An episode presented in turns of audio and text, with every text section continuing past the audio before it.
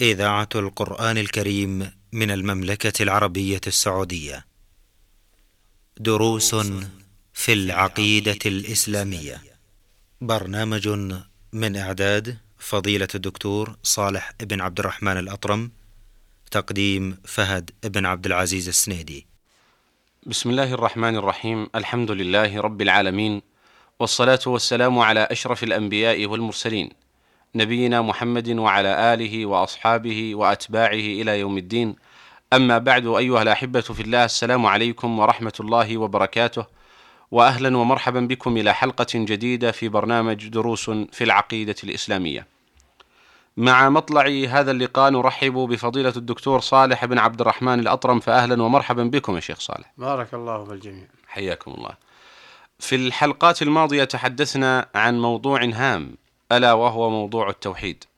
هذه القضية التي أجمعت دعوة الرسل من أولهم إلى آخرهم من لدن نوح عليه السلام إلى محمد صلى الله عليه وآله وسلم أجمعوا جميعا على إثبات هذه القضية والدعوة إليها. ثم بينا مفهوم هذا أو هذا الموضوع على وهو موضوع التوحيد. إلا أننا نلحظ انقساما في موضوع التوحيد عند الناس فضيلة الشيخ. هذا الانقسام كان سببه إما الفهم الخاطئ لقضية التوحيد أو الجنوح عن منهج القرآن والسنة وسلف الأمة الصالح. نود الحديث عن انقسام الناس في قضية التوحيد إذا تكرمتم. بسم الله الرحمن الرحيم. الحمد لله رب العالمين وصلى الله وسلم على نبينا محمد وعلى آله وصحبه أجمعين. اللهم صل وسلم. انقسام الناس إلى الت... الاتجاه اقسام انقسام الناس وانقسام اتجاهاتهم في معتقداتهم بلا شك ولا ريب أنه بدافع من عدو الله وهو الشيطان. ولا يستغرب لأن الله سبحانه وتعالى حذر من عداوته. فقال إن الشيطان لكم عدو فاتخذوه عدوا. وقال تعالى ألم أعهد إليكم يا بني آدم أن لا تعبدوا الشيطان إنه لكم عدو مبين وأن اعبدوني. هذا صراط مستقيم. ومعلوم أن الشيطان حكم عليه بالطرد والإبعاد فطلب من ربه الإنظار إلى يوم القيامة لإضلال الناس عما أريد منهم وهو التوحيد وهو هذا التوحيد. فالشيطان وجد خصما وعدوا لدودا. ولا يرضى بأن يعبد الله وحده. وقد قال لأغوينهم أجمعين. لما طلب الإنظار من ربه قال ربي بما أغويتني لأقعدن لهم صراطك المستقيم. وقال فبعزتك لأغوينهم أجمعين. إلا عبادك منهم المخلصين. فجاء ولله الحمد والمنة هذا الاستثناء هذا الاستثناء. وهم المخلص الذين أخلصوا العبادة لله. فدل على أن المخلص لا بد من وجوده لا أن تقوم الساعة. ولا تخلو الأرض من عابد لله سبحانه وتعالى على طريقة الرسل. فمن استحكم عليه الشيطان وهواه فإنه يشط به عن إفراد الله بالعبادة وقد يأخذ جزءا منه وقد يأخذ جزءا منه فيخرج به إلى الكفر وقد يبقيه على جهله وضلاله. فالشيطان هو هذا السبب. ولهذا لما أن الله سبحانه وتعالى آه، أرسل الرسل أخبر بعداوة الشيطان وأمر باتباع الرسل وبين الغرض من إرسالهم.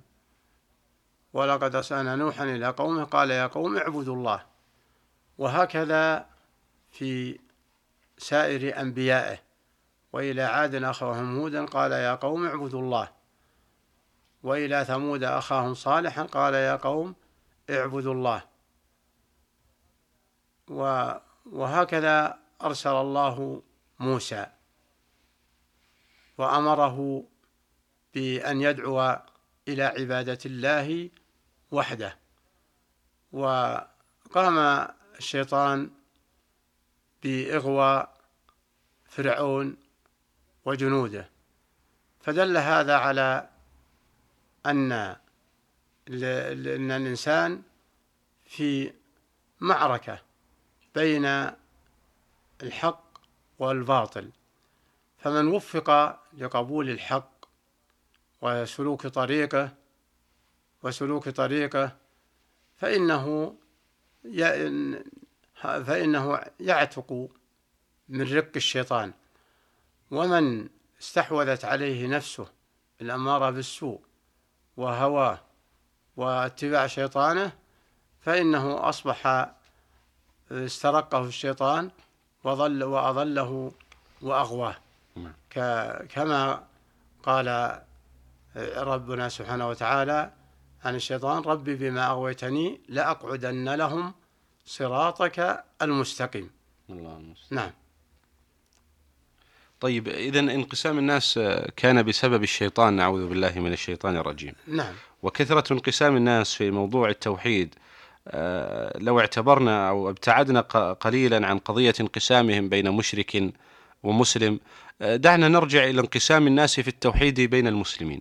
الآن نرى الخلاف حتى بين المسلمين في قضية التوحيد. آه، فعلى سبيل المثال الانقسام في توحيد الأسماء والصفات وإن كنا لم نتعرض إلى التفاصيل كثيرا لكن نود أن نذكر بعض أسباب انقسام حتى بين المسلمين نعم أه لما ختم الله الرسل بمحمد عليه الصلاة, الصلاة والسلام, والسلام نعم. ولم يكن أمام من انتسب للإسلام إنكار رسالة الرسل فإنه أتاهم الشيطان من جانب آخر نعم. من جانب آخر فحاول معهم أن أن يمسكهم شيئا من الطريق وأن يشط بهم عن الحقيقة. فتأبى نفوسهم أن يجحدوا الرسل لأن أن يجحدوا رسالة محمد عليه الصلاة والسلام لأنها كفر بواح كل يخرج صاحبها من الملة. فتشبثوا وتعلقوا باسم الإسلام.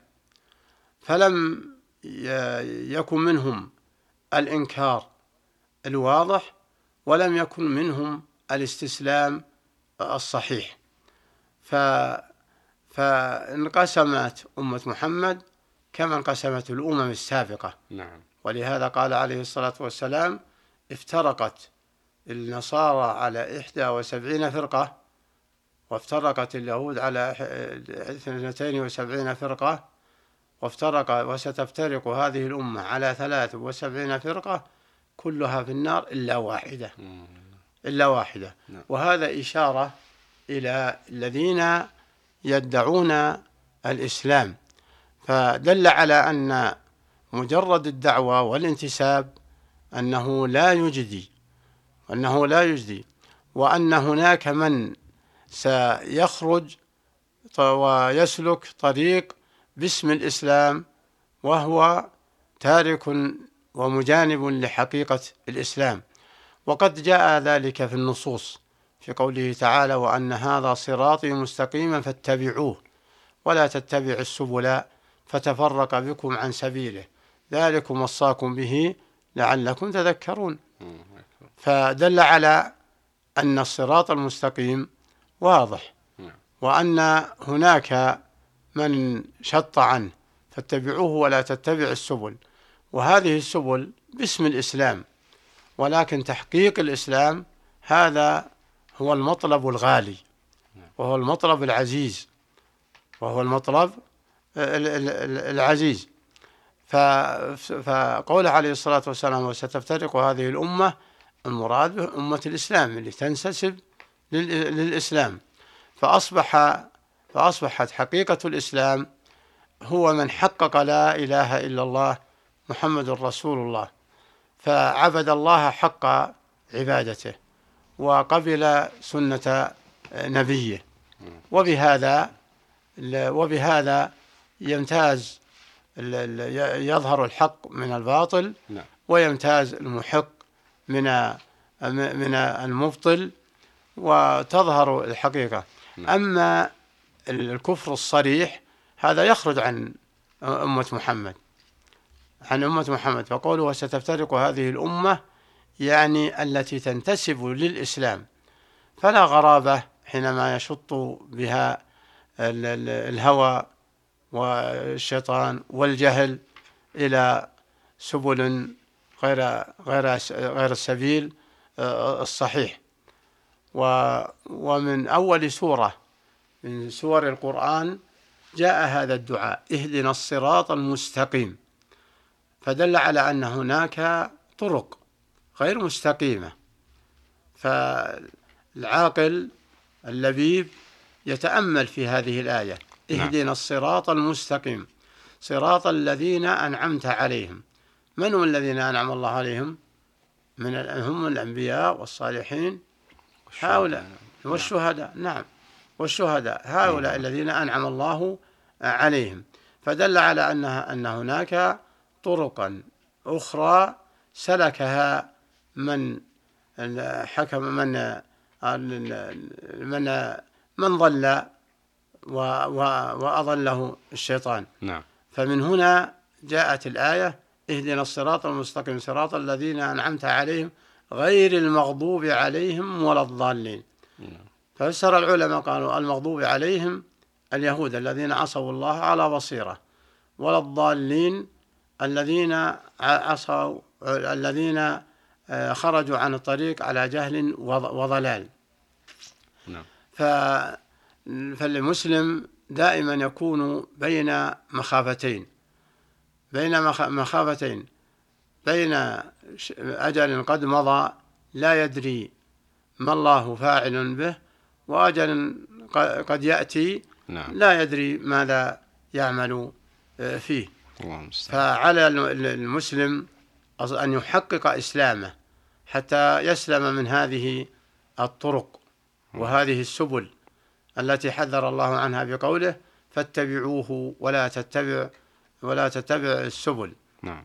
و والانقسام الذي جاء في هذه الآية ظهرت آثاره. ظهرت آثاره في أمة محمد عليه الصلاة والسلام. أي الأمة؟ أمة الإجابة التي تنتسب للإجابة وتعترف برسالته. ومع ذلك حصل انقسام.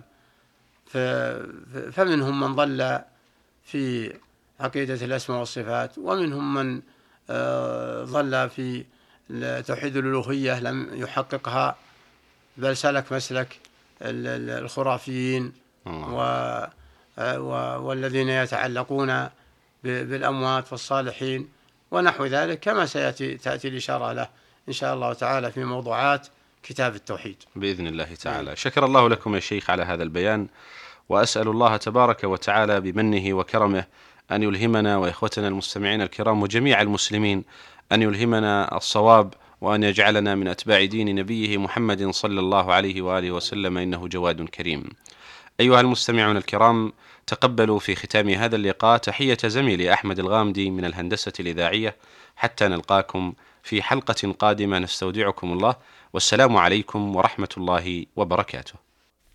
دروس في العقيدة الإسلامية. برنامج من إعداد فضيلة الدكتور صالح بن عبد الرحمن الأطرم. تقديم فهد بن عبد العزيز السنيدي.